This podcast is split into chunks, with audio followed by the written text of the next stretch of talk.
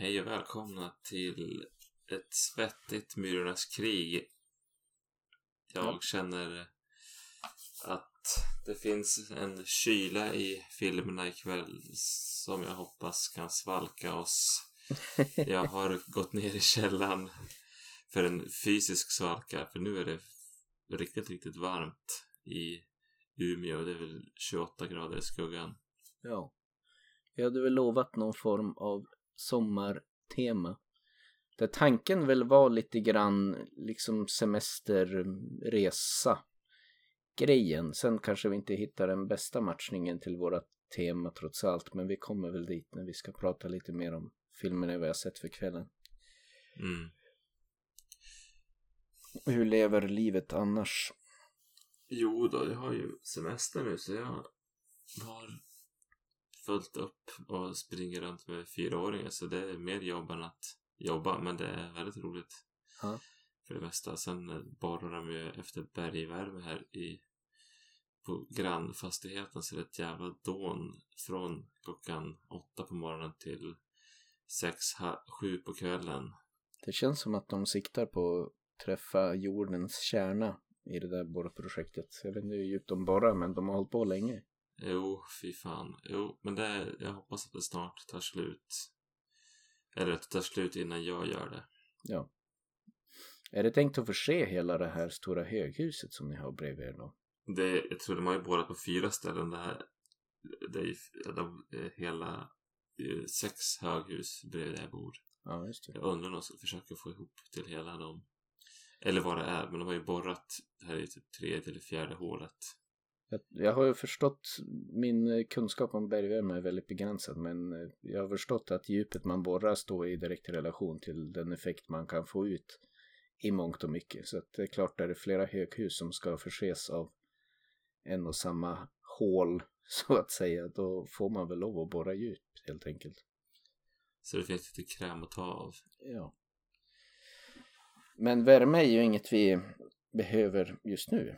Lite kyla hade varit skönt. Sen ska det är synd att klaga liksom. Vi hade en ganska tråkig maj där det var riktig höstvärme ett tag. Många frostnätter och dagar där det kunde vara 8-10 grader. Men nu jäklar har det slagit om med besked som du var inne på. Nu har vi haft en vecka snart med mellan typ 25 till 30 grader i skuggan där det har varit Ja, man har fått vara och bada mycket för man kan typ inte göra något annat utomhus. Det är så varmt att man står inte riktigt ut om man inte har någonstans man kan svalka sig. Nej men det så är det ju. Det är ju alldeles för varmt för att bara sitta i skuggan. Utan man måste ju ha ett kallt eh, vattenhål att svalka sig i. Det har varit härligt. Det är en bra syssla för barnen. Det märks ju på dem tycker jag väldigt tydligt också. Jag har ju varit och badat med Greta i stort sett varje dag och hon kan ju vara riktigt så här sänkt och dämpad om man tänker nu håller hon på att bli sjuk eller någonting. Sen får hon ta sig ett dopp då hon som samma energiska unge ibland. Så att man märker att eh, värmen påverkar dem också. Jo, på samma sätt som en själv. Mm. Det blir bara tydligare på dem för att det liksom stegräknaren sjunker direkt. Ja, exakt.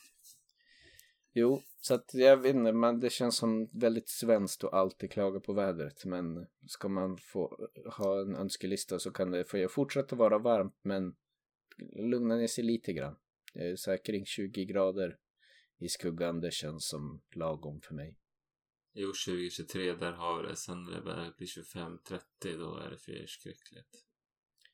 Ja, man har väl inte riktigt svettat in sig än heller. Man kanske vänjer sig lite. På samma sätt som jag tycker när det blir kallt på vintern. De här första dagarna är värst. Sen börjar man vänja sig efter ett tag. Jo, när man anpassar aktiviteter och klädsel och ditt och datt. Annars är jag tillbaka och jobbar nu. En vanlig knegare. En stund. Hur känns det här då? Är det bättre att jobba än att eh, plugga? Ja, det är en skönt avbrott från plugget tycker jag faktiskt. Man är ju lite mindre fri så att säga. När man pluggar kunde ju, man satte ju sina tider själv och behövde jag vara ledig för något så var det som aldrig något problem.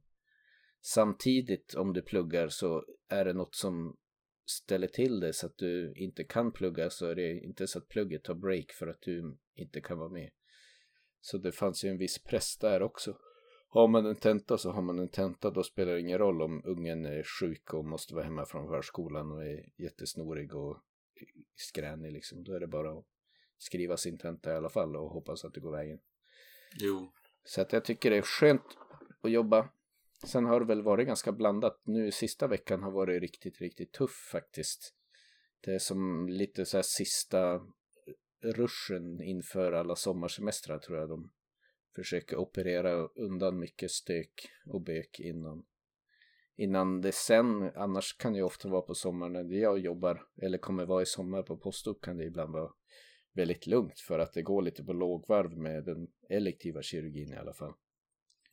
Så att, ja, det kommer att bli så att ni kommer måste ta emot andra patienter för nu stänger de ner en, en av två små kirurgavdelningar. Ja, precis. Det är mycket det som har påverkat oss i veckan också. De har liksom försökt göra bort en massa samtidigt som de inte riktigt har kunnat ta emot patienter i samma kapacitet så att många patienter har kört fast om man nu ska säga så hos oss. Eh, och det kan ju vara fint men vi har ju ett ganska begränsat utrymme. Vi har nio vårdplatser på våran avdelning så att eh, får man liksom inte lös pluggen då blir det fort eh, ganska övermäktigt. Om det börjar bli lite för mycket patienter sådär. Så att eh, det har varit mycket strul. Vi hoppas att det blir lugnare. Sen blir det ju bara en knapp månad till jag jobbar om ens det innan det är dags för mig att få en unge till. Så då har man ett nya bekymmer då. Jo, när, när, när det här avsnittet kommer så är det väl kanske två veckor kvar tills... Ja, något sånt. sånt. Vi sitter lite grann mitt i juni här och försöker ligga lite i framkant. Med förhoppningen om att kunna spela in ett eventuellt juliavsnitt innan nummer två, ungen är ett faktum. Så vi kanske har något att släppa i juli. Då jag tänker sen kommer jag nog dyka in i bebisbubblan ett tag. Eh, så får man se hur mycket tid det blir att träffas. Jo, det blir som under pandemiåren att vi sitter på varsitt håll och i, pusslar ihop torftiga avsnitt. Vi sitter på distans. Ja, lite så. Lite så känns väl kanske det här avsnittet också. Men vi fick i alla fall träffas och ha en bra filmkväll. Sen och vi fick dricka lite kall öl. Precis. Det var Min 40-årsöl. Riktigt fina öler som jag inte vet om jag har, har eh, smaklökarna och riktigt uppskatta. Den här italienska storölen jag kommer faktiskt inte ihåg vad den hette. Jag får nästan eh, googla det på en gång här. Eh, den andra, det var en italiensk lager som eh, kom i 75 centiliters flaska.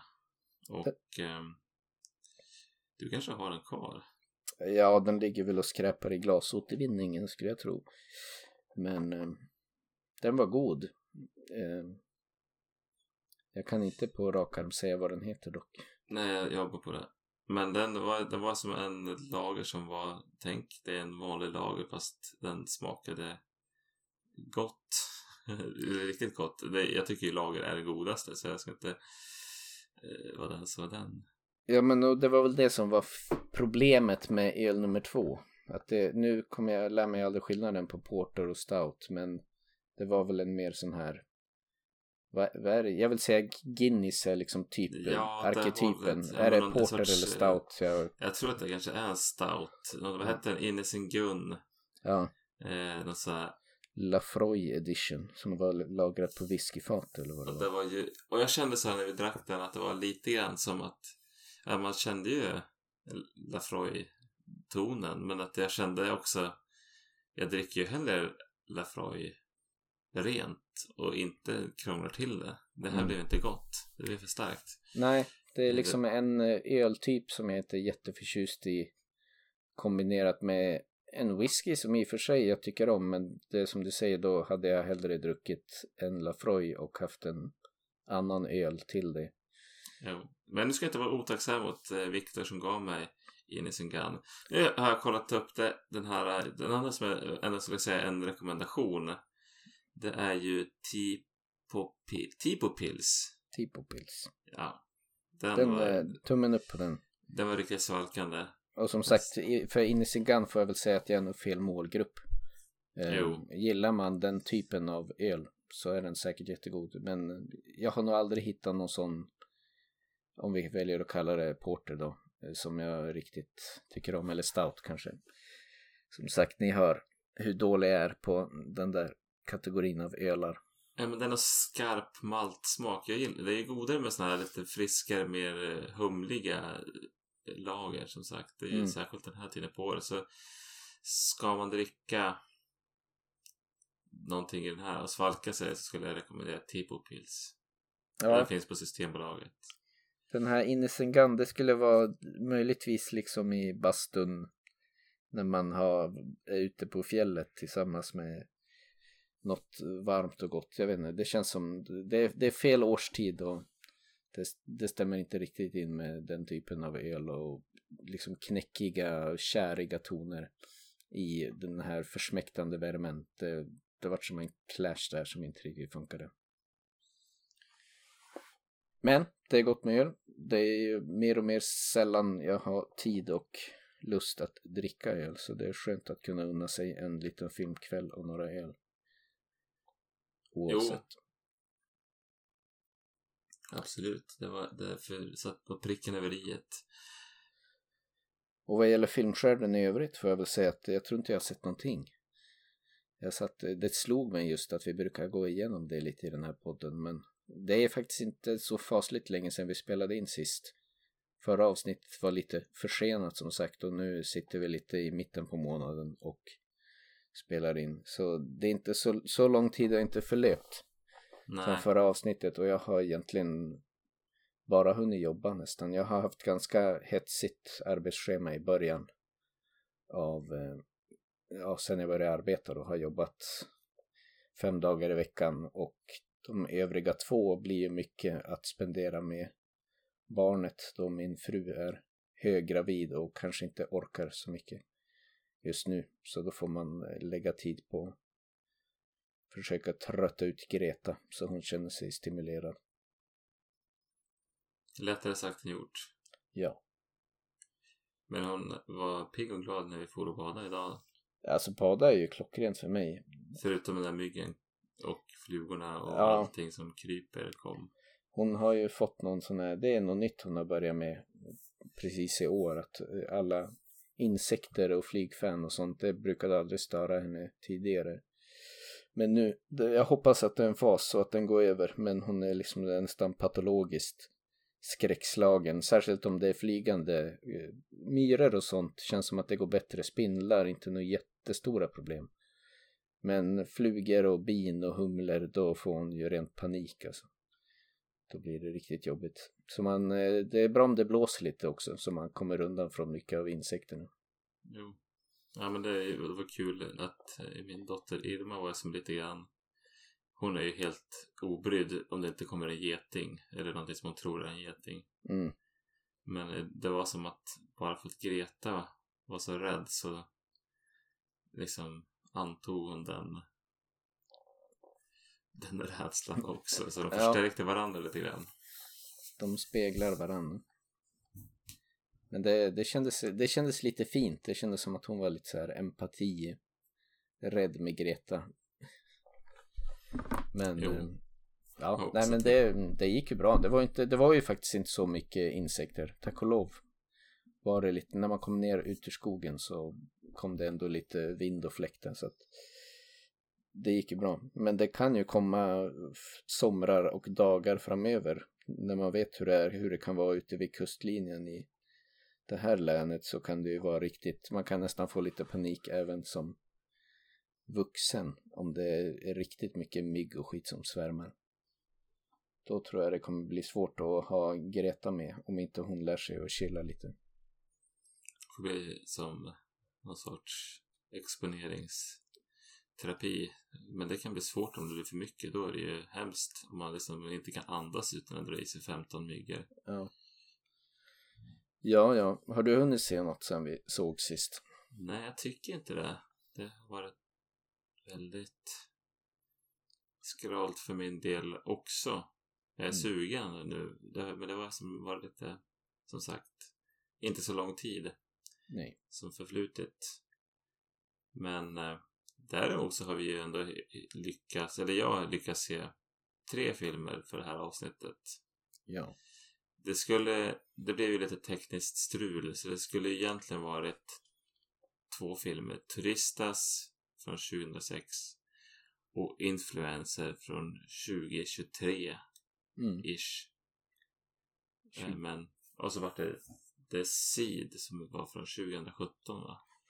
Ja, och det vart väl lite av en eh, avstickare. Vi, vi, det vart, vi, som sagt, vi hade planerat att se Influencer och Turistas. Sen fick vi massa tekniska problem när vi faktiskt satt och skulle se filmerna. Så vart det lite som att vi bara lite desperat googlade efter valfri film med typ semestertema. För att få någonting att matcha med Influencer och då blev det The Seed. Eh, som visade sig kanske inte vara den bästa matchningen men det blev det vi såg i alla fall. Sen har du tagit dig för att se Turistas här i dagarna som har förlöpt sen vi såg de första filmerna. Och nu innan vi spelar in, som jag tyvärr inte har hunnit med, men det blir väl en liten Erik Erik Espar på Turistas då. Yes, men eh, ska vi ta och eh, hoppa in på filmerna då kanske? Ja, What's up, guys? We're staying in this really cool house in the middle of nowhere. Wow. We're here to party and watch the biggest shooting star event since the dinosaurs checked out. We really need to get laid, guys. You ever seen the meteor shower before? I cannot get a goddamn signal. Wow. då den första filmen i kronologisk ordning med den andra filmen vi såg då var The Seed. Eh, från 2021 visade det sig när jag gjorde en liten snabb googling här då i regi av Sam Walker och även skriven av Sam Walker. Inte några jättekända ansikten i huvudrollen. Lucy Martin som spelade Dee, den här divan i filmen, kände jag igen. Sen är det nog Chelsea Edge och Sophie Vavasur som jag inte kände igen alls. Men The Seed i alla fall handlar om tre tjejer, två influencers får man fatta och en lite ja, kompis till en av dem som ska ut till något semesterhus som hennes rika pappa äger för att bevittna någon kometregn tillsammans eh, där de ska livestreama det här och få massa views och likes så som man gör nu för tiden I guess. Eh, Men under det här kometregnet då så slår det ner någon typ kometspillra eller vad man nu ska kalla det för i deras pool. Och eh, de tror först att det är något dött djur som ligger där i poolen men den här sidet då så småningom börjar visa livstecken och påverka saker och ting runt omkring den. Och det är väl ungefär handlingen i sin korthet för The så kan vi väl försöka angripa den enligt traditionellt S-bar-manér då, där vi får börja prata om S och alltså hur den här filmen skräms eller hur den bygger spänning. Jo då, men det, vi ska väl, eh, det är ju ganska uppenbart vad hotet är. Det är ju den här äh, fröet från yttre rymden som utgör skräcken och Mm. eh, orsakar spänningen i den här filmen. Och den är ju ganska lam, själva skräcken, en bra bit i den här filmen. Sen så utvecklas det ju till body horror. Mm. Och jag tycker det känns inte som att den här filmen har någon riktig egen idé. Det, det blir som någon sorts mischmasch av The Thing och Color Out of Space. Men det, det kändes... Ja. En del av det är väl kanske okej men på något sätt kändes det väldigt oinspirerat. Jag gillar ju Color Space. Men det var lite grann som att den regissören som har gjort det här har sett några filmer.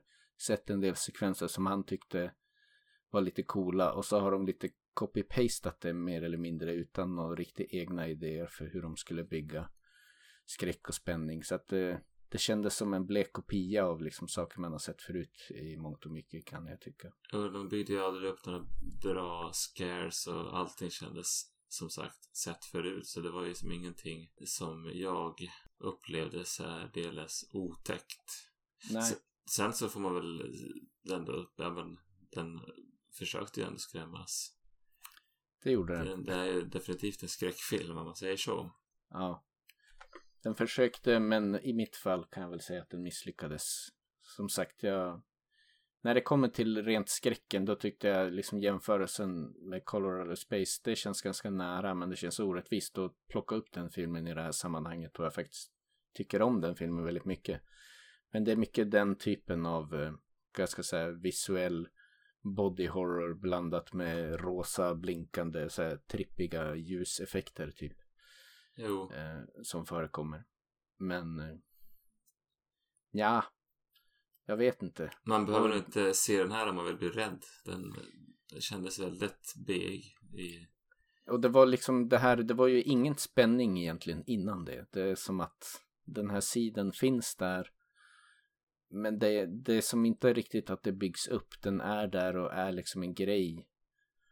Fast de bygger inte så mycket spänning kring det. I en film som Colorado Space då är det som att han sakta men säkert den här familjen som drabbas där då liksom devolverar in i något galenskap. Här är det som bara ganska oinspirerad eh, film där de håller på och festar och ska vara coola influencers och så blir det som att de vrider på en knapp så är de inne i Colorado Space bananas craziness.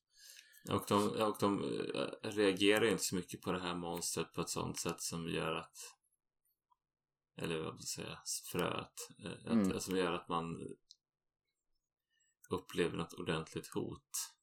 Nej. Ja, men vi går över på B för jag tror det är kanske där eh, mycket av problemet Där de dribblar sitter. bort sig. Ja. Och B då är det berättartekniskt, alltså manus och skådespelarinsatserna insatserna eh, i våran S-bar. Och skådespeleriet här är väl rätt så platt. Det känns lite grann som att det här är typ nidbilden av dagens ungdom. Det är liksom en gammal gubbe som har skrivit om hur han upplever dagens ungdom. Och lite så här som att ingen av dem pratar på ett sätt som känns riktigt rimligt. En av, den enda karaktären som har någon substans det är den här Lucy Martin som är den här superextravaganta diva-influencern verkligen. Som, det känns som att de bygger upp henne för att man egentligen inte ska tycka om henne. Men det slutar nästan med att jag tycker om henne mest för att det är som att hon har i alla fall en personlighet. Och de andra två är som bara väldigt platta och trista kan jag tycka. Jo, vi har ju som, det är som tre personer där en är hon Diva Di eh, Mm. som håller på med är en youtuber som ja, är bara för mycket och blir kul just för att det liksom, det, hon har som en någon sorts driv i som passar med filmen. Så har vi en Final Girl person som egentligen är ja men hon ska vara lite smart, hon klär sig lite alternativt och hon håller, har en gammal telefon och det är liksom det är det hon gör. Och Precis. är totalt ointressant. Hon har ingen personlighet. Hela hennes personlighet är att hon inte har en smartphone typ. Och, och därför har, ska man tycka att hon är jättesympatisk I guess. jo, hon sticker ut och ska vara den här utanför som räddar tillställningen sen. Och sen har vi den här andra som är lite eh, också lite mer eh, färglös som är vars eh, föräldrars sommarhus de är i då. Och hon tycker jag inte heller gjorde något avtryck alls. Det var liksom ingenting med den karaktären som det var bara en till person för att de skulle vara tre ungefär Ja. som pratade med varandra. Nej, det var riktigt platt. Som sagt, hon som spelar Dee då, Lucy Martin, hon, hon gör det ändå kompetent tycker jag. Sen är det ju som att hon är skrivet på ett ganska elakt sätt eller vad man ska säga. Det, det byggs upp för att man ska... Det byggs upp liksom mot att hon kommer vara den som åker dit först. Det är hon som ska dö, det är hon man inte ska tycka om. Men det slutar med att det är hon jag gillar mest och liksom hejar på mest för att det är den enda karaktären som har någon någonting i sig alls, även om det är en väldigt otacksam personlighet som hon spelar, så är de andra bara helt utan personlighet. Och jag blir bara trött när de är på kameran liksom. Och eh, filmen är ju liksom, den vill ju vara lite en eh, av en, eh, en skräckkomedi skulle jag väl tippa för den är skriven lite grann så. Mm. Och eh, det är väl den, egentligen den enda karaktären som funkar med, det, med skämten. För det är den som gör, gör och säger komiska saker. Och så är ju manusmässigt pacingen väldigt ofta, Det känns inte som ett ovanligt problem i skräckfilm. Det är ganska ofta det blir så här. Men här är det också väldigt tydligt där de som växlar mellan, de vill ha det här lite lättklädda influencers som festar. Det ska vara en del av filmen och det andra ska vara skräckdelen. Men så är det som att de har läst någonstans att ja, inom så här lång tid så måste det hända något spännande. Så därför kommer den här grejen, The Seed, ner i deras pool. De tror först att det är något dött djur och så har de jättepanik över det och försöker bygga upp lite spänning kring det. Sen kommer de fram till att nej, det är visst inget dött djur, det är nog en alien från yttre rymden. Och då är de som bara, okej, men då har vi fest. Och så är det som en hel festscen där de så här, tar droger och dansar. Och det är som, ja, de han, handskas med det på ett väldigt orimligt sätt. Sen tycker jag det är en trope som jag har sett i andra skräckfilmer också. Där det är som att man i nästkommande scen så glömmer man bort allt som har hänt innan och så gör de bara någon annan grej helt plötsligt.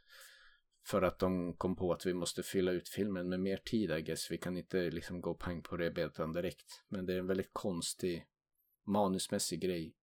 Som är, funkar jättedåligt i den här filmen. Men jag vill väl försvara den lite då med att säga att jag tycker jag har, känner igen det från en del andra skräckfilmer också man har sett.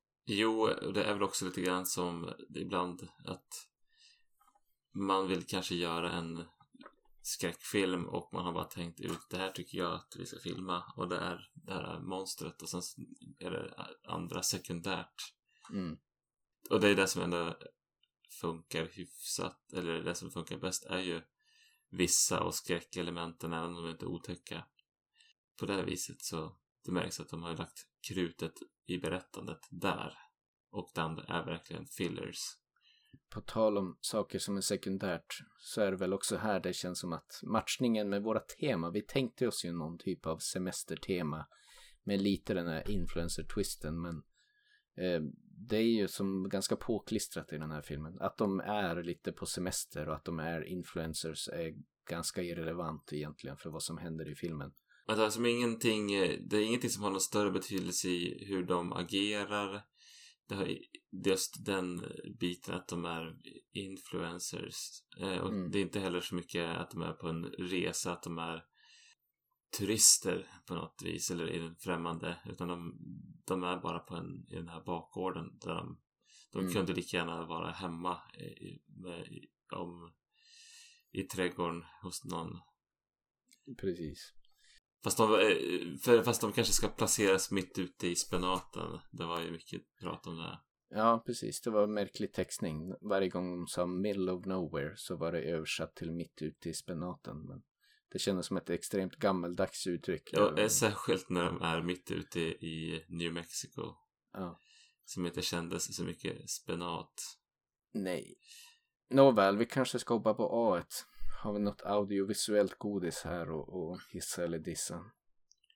Det känns ju som att om den, den, den här budget, lågbudgetfilmen la ändå den största delen på de, om de inte satsade så mycket på skådespeleriet och eh, tid på att sk- skriva och förfina manuset så försökte de ändå få till praktiska effekter. Mm. Det får man väl ge dem.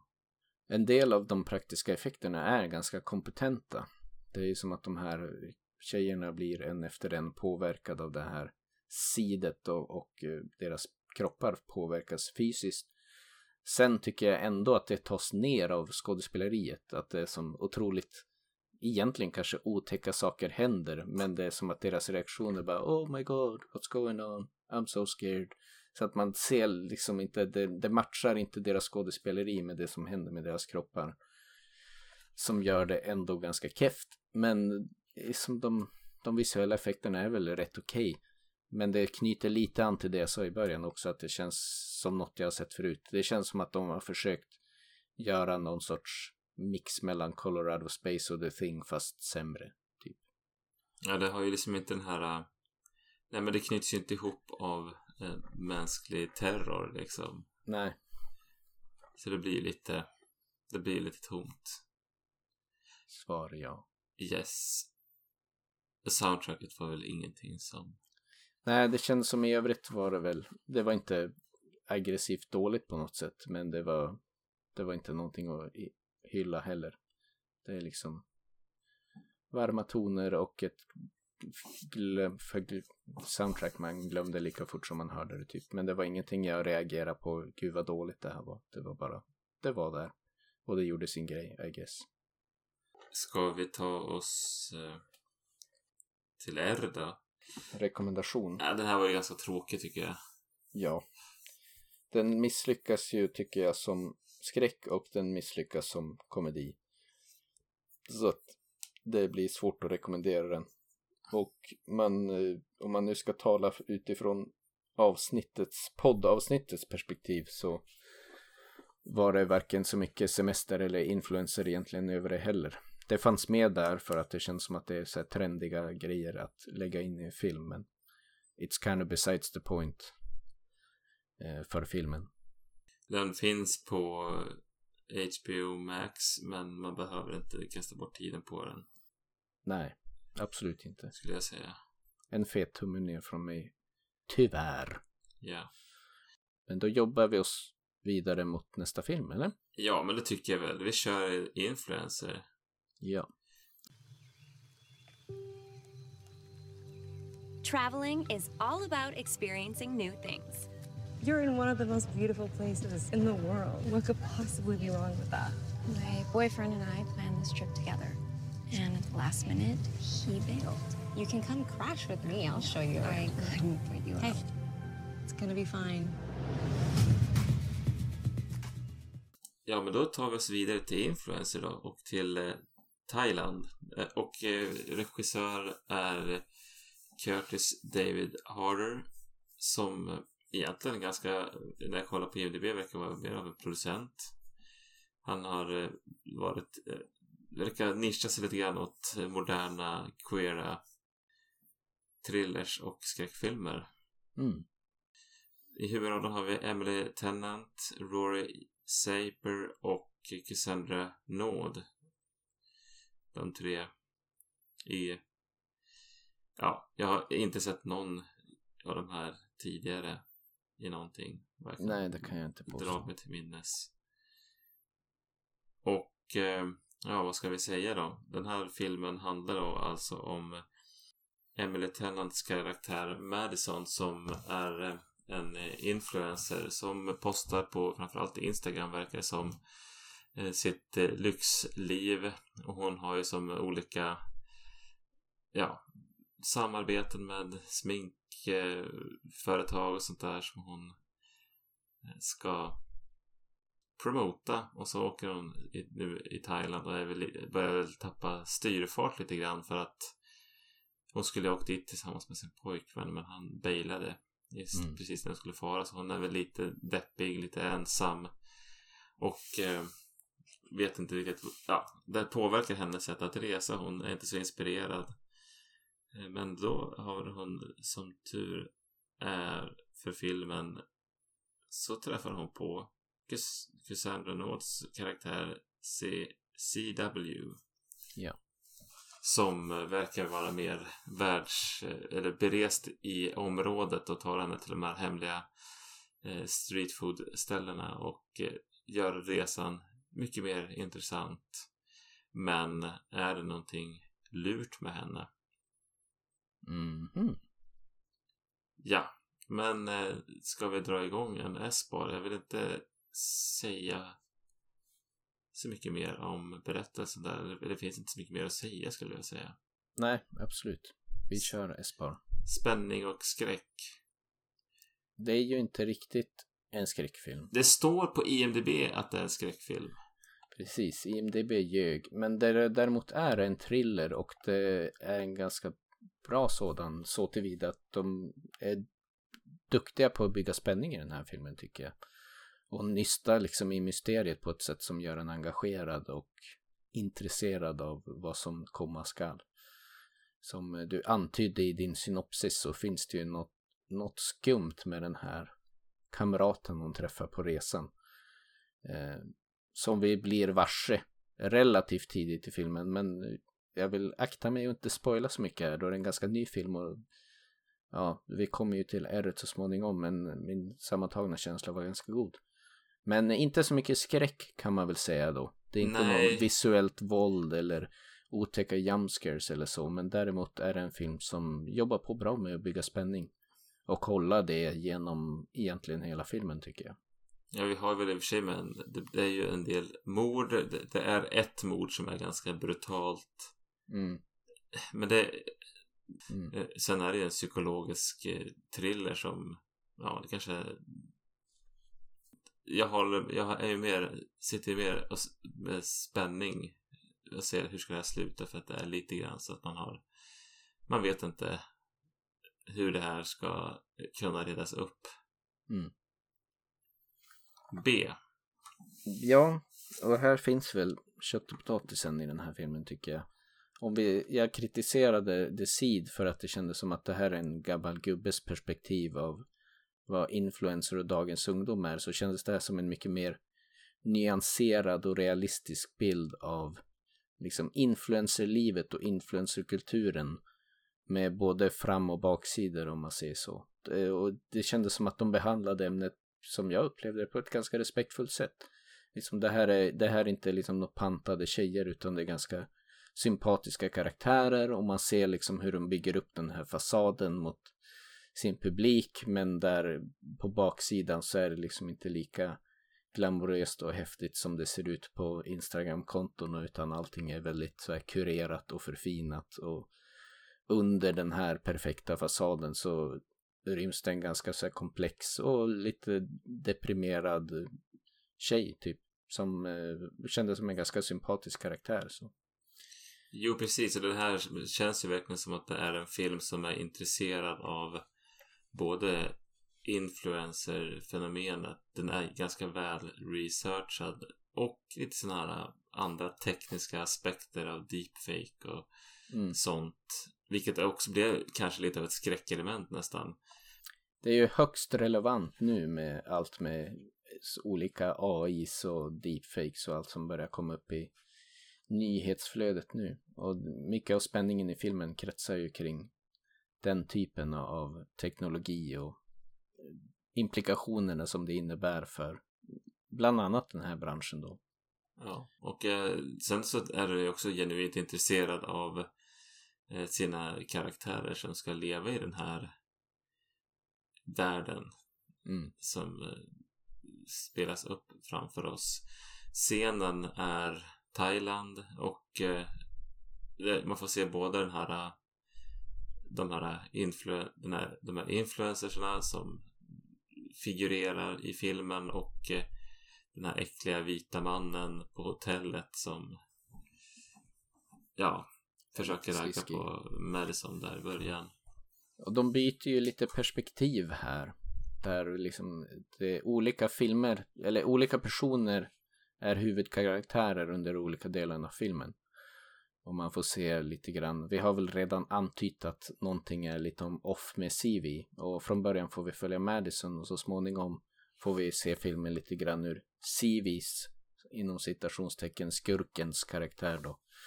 Utan att spoila för mycket. Men eh, det, tyckte jag var bra, det var kul och det höll spänningen uppe och när man liksom precis kanske började vara lite less på Madison-karaktären så byter filmen spår och så får man följa eh, händelseförloppet ur eh, den andra karaktärens eh, perspektiv istället.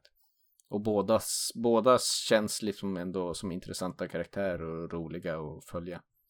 Ja men precis. Jag tycker att först när vi såg den här så pratade vi lite grann om att eh, Siwi är, det är lite grann frustrerande att se den karaktären för att hon känns som som eh, lite vad ska man säga tom. Hon har som ingen liksom ingen det känns som att hon inte har något ordentligt motiv annat än ekonomiska motiv. Mm. Och att det liksom känns, men när jag tänkt på det så känns det som att ja men kan det här vara liksom en del i någon så här djup och svår personlighetsstörning som är att hon är jävligt tom inuti. Hon behöver som hon är lite eh, kanske eh, vad ska man säga eh, borderline person som är som väldigt ångestdriven och tom i sig själv så hon liksom eh, speglar sig och liksom fyller upp sig själv med de här andra hon kommer i kontakt med som är influencers då. I det här Ja. fallet. Men jag vet inte, det finns nog många mer psykologiska analyser man kan göra på det som jag tyckte ändå att de lyckades skildra snyggt när jag tänkte efter lite grann. Först i filmen så tänkte jag att är det här bara slappt gjort men med tanke på hur ändå pass tajt skriven den är så tror jag nog att det är medvetet och att det är liksom en skildring av en, en väldigt sjuk människa. Mm. Nej men det var bra. Det, det är väl här som sagt eh, mycket av filmens styrka finns i. Det är tajt berättat. Det är spännande från början till slut egentligen. Jo, de lyckas ju till och med med eh, att eh, ja, vi vet, ja, vi är en bra bit in i filmen och vi vet ju liksom på ett sätt vad det är som har försiggår. Men då i, är det ju liksom ändå en sorts deckargåta som för en annan karaktär. Mm. Och jag sitter ändå på helspänn för att det är så spännande gjort. Absolut. Ska vi, ska vi jobba vidare innan vi pratar? Det känns som att vi är lite som katten runt het gröt för att inte försöka spoila för mycket. Ja, det audiovisuella är ju ett A i S-bar. Jag tyckte mycket av det här kändes bekant. Det här är väl också en Shudder-film Ja, vill jag säga. Och jag vet att vi kommenterade lite i början på lite grann hur filmen ser ut, hur musiken låter, hur det känns. Så kändes det som att lite grann som vi har klagat på tidigare att det finns som en lite grann typisk Netflix-film när de har sina egna produktioner. Så kanske det finns en typisk Shudder-film där det på sätt och vis kändes det okej liksom men lite trist och oinspirerat kan jag tycka på ett sätt. Det, det är som en audiovisuell mall. Och sen så kan jag tänka mig också att de tar in en viss typ av manus som jag tycker ändå den här är besläktad med. mm, Som är, ja men det här är väl intressant och det är, ofta blir ju intressant tycker jag. Men audiovisuellt, ja men det här, är det här digitala fotot med en viss typ, vad man filmar on location på många sätt och det är liksom, på samma sätt. Och eh, det blir som, ja man, man det, det är samma värld man Mm. befinner sig i. Som man är bekant med. Men eh, det är inte dåligt, det är bara det bara kändes som att det här man sett förut. Ja, lite sätt. så. Lite så. Så att, eh, ja, jag var lite besviken till en början får jag väl säga. När det, det kändes lite som, precis i början så var jag, tänkte jag att aha, det kommer vara precis en sån här film. Sen tog den, fångade mig ändå med en väldigt tight och spännande story. Men det audiovisuella är kompetent, det är bara ganska uninspired skulle jag väl säga i så fall. Jo, det är inte där de har lagt det konstnärliga.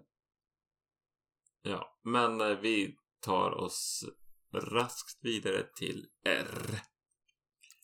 Och där får vi väl ändå ge, eller jag i alla fall ge en tummen upp. Det känns väl som att jag har, har antytt det genom mitt snack här. Som sagt, S1 och B1 är starkt, A1 är tråkigt men serviceable. Men eh, B1 är till och med riktigt bra. Det är, det är en spännande thriller. Det är inte en skräckfilm, men eh, om man vill ha en spännande thriller så absolut. Ja, men precis, den är inte så skräckig att man inte... Jag skulle ju... Det, våldet och skräcken här, det skulle jag ju som kunna se med mina föräldrar som en thriller. Mm. Ja, men jag tyckte den var jättespännande. Jag kände, kände att jag lätt kunde, skulle kunna tänka mig att se om den här någon gång. Mm. För att den ändå var rätt... Ja, men det var en habil berättelse. Och ganska kul att få det här lite mer nyanserade, mer bearbetade perspektivet på influencers. Det är ju lätt att, det är en lätt målgrupp att hata och det sättet det framställs i media är ofta det här ganska neddummade perspektivet som man kanske fick se lite av i The Seed. Och jag tyckte att här tog man sig lite mer tid att eh, bygga en film kring det här fenomenet men behandla det på ett mer respektfullt sätt och tänkvärt sätt. Så bra är väl summa summarum. Jo, så den eh, går att se om den dyker upp på ett vettigt sätt. Ja. Och då ska vi väl glida in på lite bonus då. Den tänkta filmen Turista som tyvärr inte jag har hunnit se. Men The som, deleted scene. precis, Erik ska få prata lite om. Who wants to go for a swim? I left my top in Rio. Would you guys mind if I went topless? We definitely don't mind. Welcome to paradise. We're not leaving here until either we run out of money or they run out of beer. Turistas från eh, 2006. Och den är regisserad av Jan Stockwell. Det kanske inte ringer några klockor hos er. Det, han, men här, han har ju som en eh, skådespelarkarriär från 80-talet. Han är med som har en av huvudrollerna i Christine. Jaha, Den här John Carpenter eh, skräckisen på Mm. Stephen Kings bok. Och sen har vi, han har en liten roll i Top Gun också. Så det är, men sen så har han väl mest hållit på med lite allt möjligt. Jag har inte sett så mycket, han har väldigt mycket ganska dåliga filmer på sitt CV. Eh, Han har regisserat och producerat och skrivit och sånt där jag vill ändå minnas den här filmen som lite av en snackis när den kom. Det är inte ett okänd. När vi plockade fram det för att fundera och se det på podden så känns det som att det här var en film jag hörde lite snack om när det väl begav sig. Men jag vet inte. Jo, jag, jag, jag- kände igen, kände igen titeln. Jag, jag hade inte sett den. Men det, det är sån här som har cirkulerat i, i, i att titta på listan. Men, alltså för 15 år sedan snarare. Ja, men eh, jag kan väl, eh, den handlar ju som om man får följa en ett gäng turister som för att av någon konstig anledning så väljer de att åka buss genom landet Brasilien istället för att flyga. De ska någonstans. Det är ett stort land. De far på bussen och eh, det, av en olyckshändelse så, ja men bussen kraschar väldigt tidigt i filmen. De klarar sig med livhanken i behåll. Och eh, i, när de väntar på ersättningsbussen och sånt där som kan ta ex, hur, hur lång tid som helst så eh, får de nys om att det finns någon bar i närheten så då tar de sig till en paradisstrand där det är som en bar och det är partaj. De träffar några andra vita turister som är där och så blir det som ett party och de stannar över natten och när de vaknar dagen efter så är alla deras grejer borta. De har blivit och så ska de ta sig till räddning. De tar sig till en by och ska försöka reda upp det här.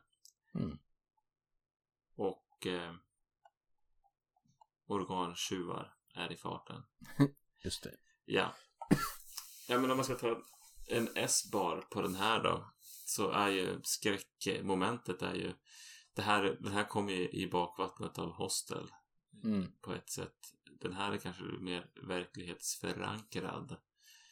På så vis att det finns ju organtjuvar och eh, i Sydamerika har det faktiskt efter den här filmen gjordes kommit någon varit någon incident med det var något barn som blev lemlästat och så trodde folk i hennes hemby att det var organtjuvar och så var det några som blev misstänkta för det där och som blev lynchade. Mm. Eh, Den ena blev lynchad och dödad, den andra satte de eld på. Så det var väldigt ruggigt. Jag vet inte om det var någon organtjuvhärva där, men det, det förekommer ju ändå i världen och, det, och just det här ämnet på det här sättet, det tar de upp i filmen att det finns barn. De pratar som att barn har blivit mm, lokalbefolkningen ser inte så snällt på utbölingar som kommer dit. Så det är ju liksom ett hot Mm. det är ju lite det här grann det här folk som är västerlänningar som kommer där och är väldigt koloniala som eh, på något sätt är helt efter en, det är väldigt bräcklig. Det är som en skör tråd. Sen är de väldigt utsatta när, när inte allting går som de vill. När naturen och eh, vädret är emot dem och sannolikt också ortsbefolkningen inte tycker så mycket om dem. Jag tänkte i verklighetens organtjuveri så är väl kanske rollerna mer ofta omvända. Att det är rika västerlänningar som kommer till någon sån här plats för att få ett organ. Och så är det mer fattiga människor då som ingen saknar som kanske drabbas. Kan vara så. Jo, ja men så är det. I Kina tror jag att det är ju det här är ju ett reellt problem. De har ju tidigare så har de ju, det här är ju, när jag var tvungen att läsa på, hur är det här råttan i pizzan helt och hållet eller förekommer det? Men det är ju fan skrämmande. Det är som säljs ju organ. Det är ju som pengar är mer värt än offren. Mm. säger så. Det liksom var ju någon, någon kinesisk pojke som vars ögon blev utslitna för att någon annan skulle få delar av ögonen för att kunna se bättre.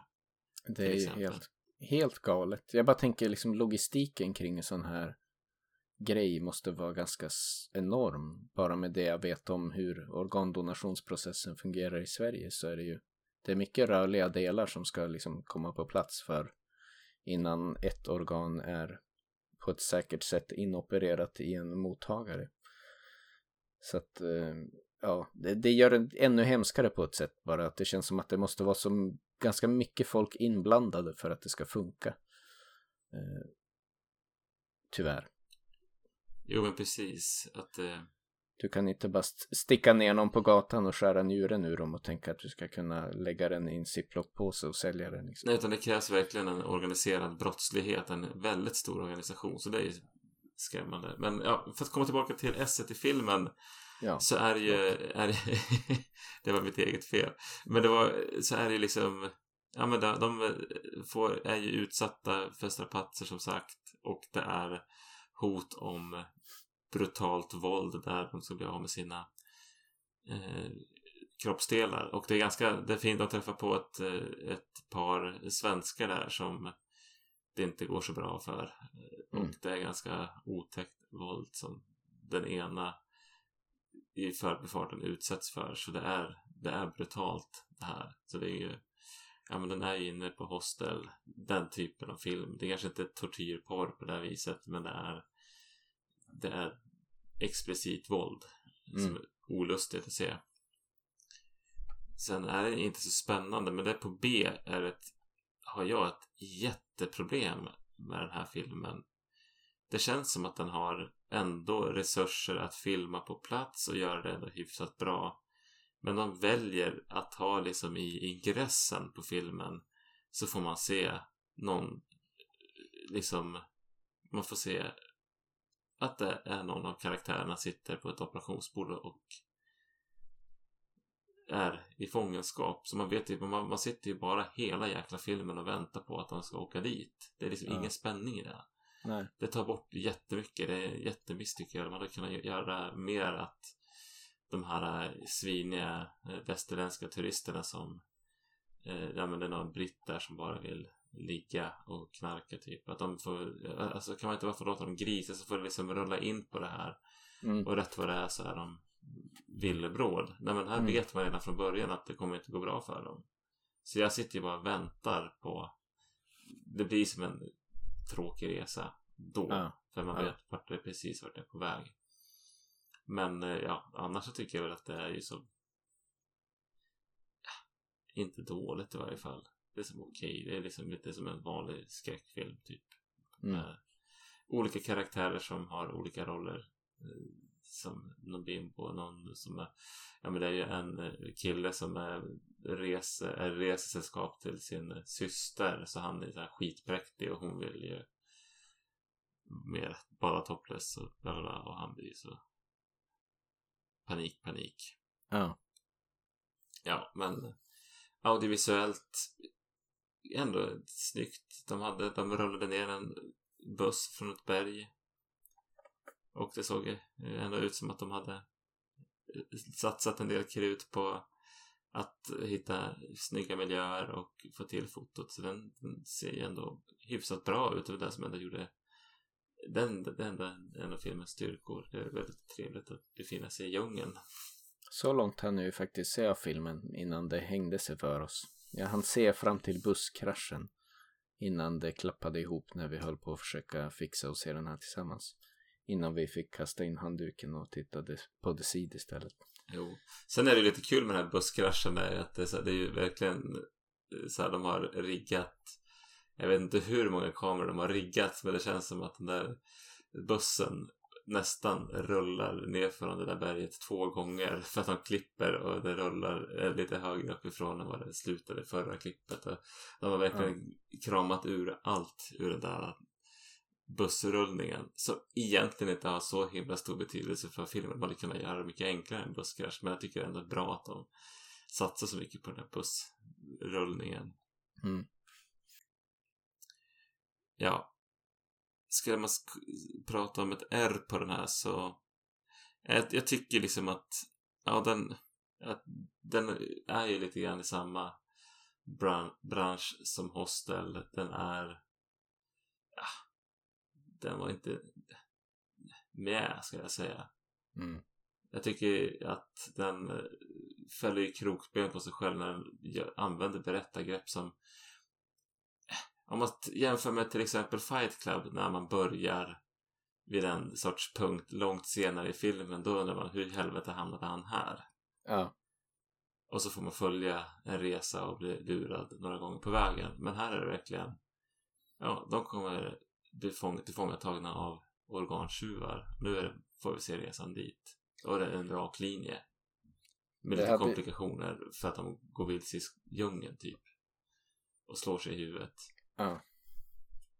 Det låter som att filmen hade kunnat vinna ganska mycket på att inte vara så explicit med vart det var på väg utan mer att ja, det är en turistbuss som rullar. De hamnar i trångmål och blir jagade och man vet som tittare inte heller riktigt varför och vart det här ska leda till och att den här insikten om att det är organsmugglare i farten är någonting som man hade kunnat få bygga upp till istället för att bara berättar det rakt ut i första scenen. Och det får väl då avrunda vårat sommartema som blev lite halvbakat sådär. Jo. Turistas känns spontant som den film som kanske hade potential att ha mest semesterfeeling. Om det nu var därhän vi ville. Med Influencer var det också lite grann det här att, att de var i Thailand kändes som lite besides the point. Det hade inte så stor relevans för filmen. Det här är väl, nu såg inte jag Turistas, men känslan var att det var den filmen med tydligast semesterperspektiv. Ja, precis. Den här influensen åker inte dit primärt för semester. Nej, nej, Men det är ett resmål, det är eh, en sorts semesterfantasi som eh, ska diskuteras där ändå. Jag tycker, mm. ja, men, Turistas var nog den mest semestriga filmen utav de här tre. Jag tycker både influencer och turistas visuellt har varit också som att de har fotat filmen på plats och skapar ändå en känsla av att man är på resande fot. Så det är som en liten mm. en härlig verklighetsflykt på det här viset. Fair enough. Och eh, ja men det var väl eh, de tre filmerna för ikväll. Och eh, nästa avsnitt då? Ja, det är väl mer eller mindre spikat. Du nämnde det redan i förra podden. Nej, vi, eh. ja, men då, jag gjorde lite loppisfynd. Det blir måndag hela veckan. Skräckisar. Precis. Så får vi väl se vart det tar vägen. Det blir kul om vi hinner få, få oss en liten sittning igen med lite gott att dricka och gott att äta. Ja. Så det har vi att se fram emot i juli då. Ehm, förhoppningsvis inspelat i god tid innan slutet på juli så har jag lite tid att förkovra mig i mitt nya liv som ny förälder igen. Men eh, vi ska väl se. Eh, om vi har filmerna mer eller mindre spikade. Det handlar bara om att hitta tid att eh, se dem och att snacka så levererar vi ett måndag hela veckan avsnitt i juli månad. Ja, men det är väl våran cue där. Ja, vi tackar för att ni har lyssnat och så önskar vi er godnatt och så gott. Och Myrornas krig tar aldrig semester. Nej. Hej då.